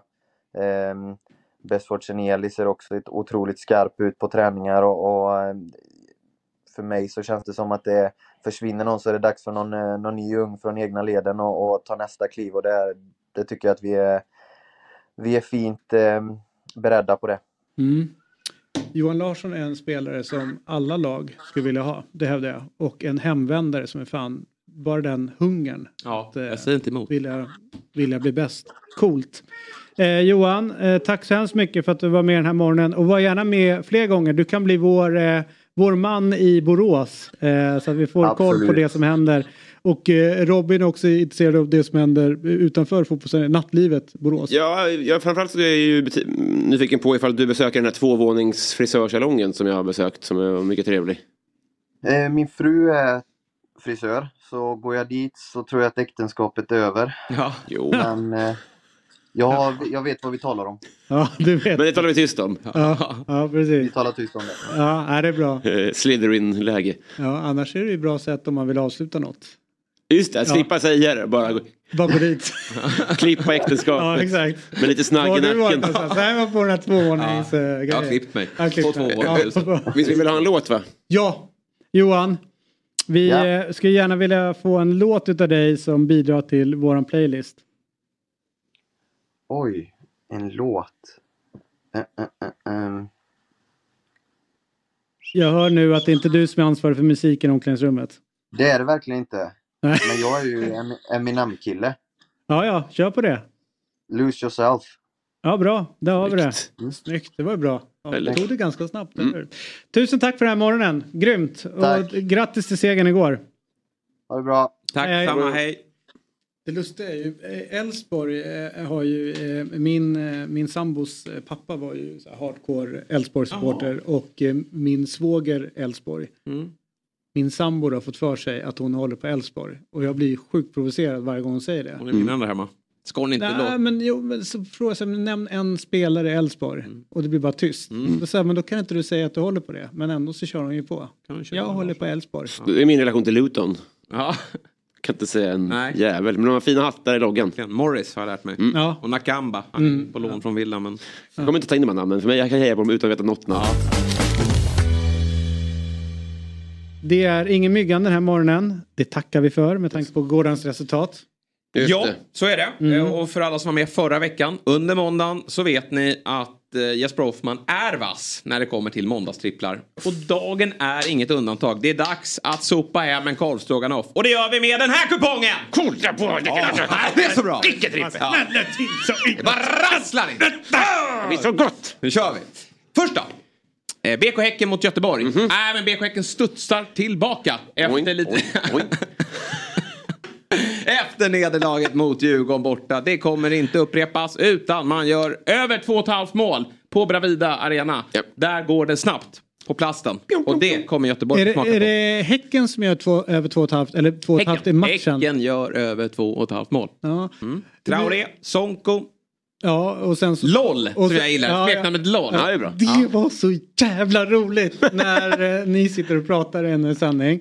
Och så säger du LOL. Och eh, du inte fattade det. Du Nej. bara, eh, ja det var kul. Ja, det var bara en boomer som sa en förkortning. Ja. Så, det var det enda jag tänkte. Nej, men det, nu, nu har jag lärt mig det. Och sen lär Pontus eh, Dahlberg göra ett. Ja, precis. Ja, ja, så att där har du tre. Om det är han som står. Ja. Hoppas på det. Ja. Eh, Men eh, Skicka Häcken en då? stroganoff-selfie till honom. Så att, Ja. Jag ska skicka en stroganoff.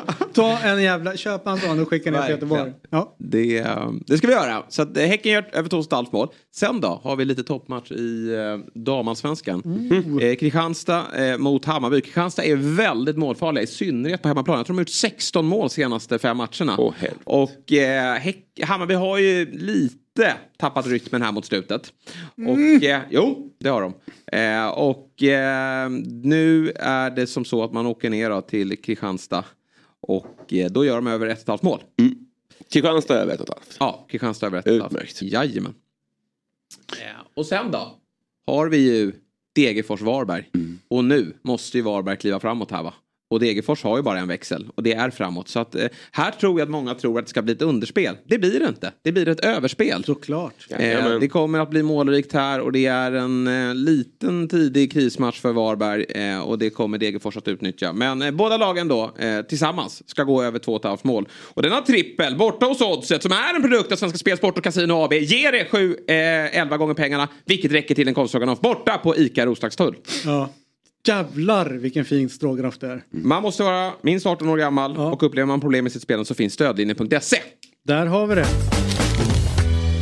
All right. Vi, det får nästan bli att vi pratar Dortmund imorgon. Vi, vi får spara på den karamellen. Mm. Ja, eller hur? men för att jag Eh, försökte faktiskt få med Daniel Alling, eh, Sveriges Radios utmärkta Tysklandskorre. Eh, och eh, var ju på Radiosporten innan.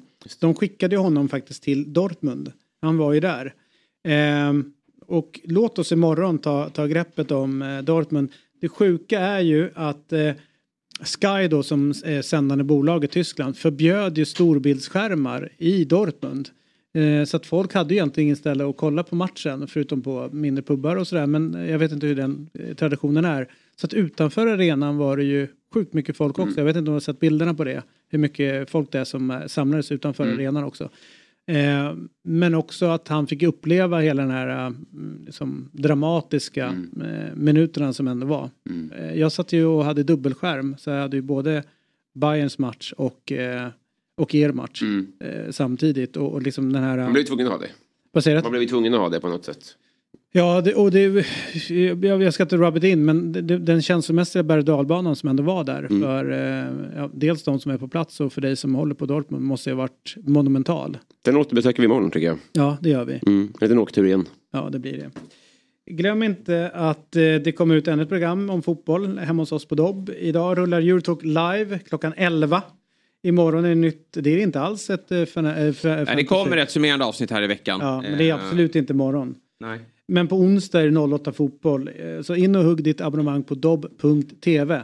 Och så kommer ju Quizaleta igång här snart. Ja. Jävlar. Ruggig, ruggig Alla vi tre är i varsitt lag. Ja. Jag ville ju egentligen vara med Jesper men han har ju Nej, det är kastat bort mig. om att jag, jag blir placerad i ett lag bara. Jag har ingen aning om. Nej, men jag sa så här, Det är jag gärna- rykte om att jag väljer spelare. Det gör ju du för jag Nej, sa jag så här, jag inte vill det. gärna vara med Jesper och då, sa, Jag tycker- då sa, fick jag så här tillbaka, han vill inte vara med dig. Oj. Då tänkte jag så här, okej fair enough, vi har testat en gång, vi vann de tre första matcherna tillsammans. Eh, För då var det ett annat koncept, Mm. vem kan slå Jesper och David? Började ju fantastiskt. Ja. Vi flög... Roliga var ju när vi mötte Ranegi Bobby. Och det var ju bara Bobby som dök upp. Ja. De Det var, det var, det var eh, speciell tv. Ja. Ja, och eh, dessutom när Bobby fick frågor om ett lag som han själv hade spelat i. Ja, inte kunde. Jag har ingen aning på det. Så, jag bara, men du spelar ju det laget. Ja, nej, Men jag har ju sagt att nästa år ska jag, jag och Robin köra. Mm, det, Du har tackat ja det har vi muntligt på. Ja, det har vi muntligt på. Jag kan säga så här, jag släpper inte Fabbe. Det är min Han är grabb. bra. Det är min Men grabb. han vill nog släppa dig. Ja. Nej men jag bidrar ändå. Jag bidrar ändå. Ja, ja, det är klart du gör. Eh, och prenumerera på vår YouTube-kanal, då blir vi jätte, jätte, jätteglada. Så imorgon, häng med oss från 07.00. Det blir mer Luton, det blir mer eh, Dortmund. Dortmund. Det blir Hammarby som ju spelar ikväll. Ja, och det blir Häcken mot, blir, ja, ja.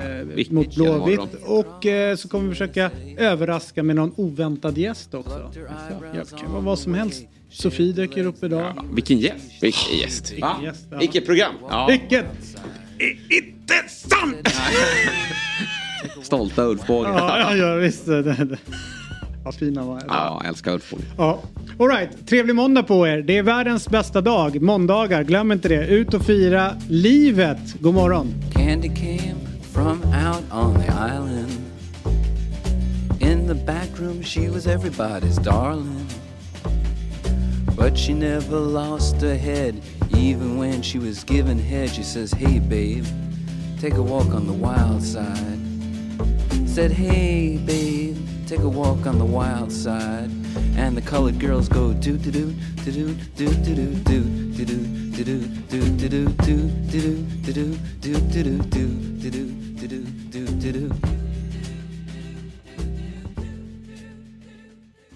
Fotbollsmorgon presenteras i samarbete med Oddset, betting online och i butik.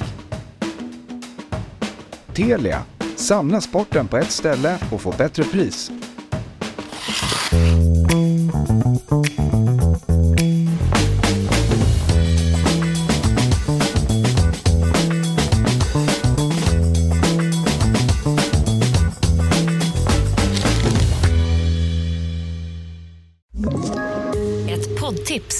Podplay. I fallen jag aldrig glömmer djupdyker Hasse Aro i arbetet bakom några av Sveriges mest uppseendeväckande brottsutredningar.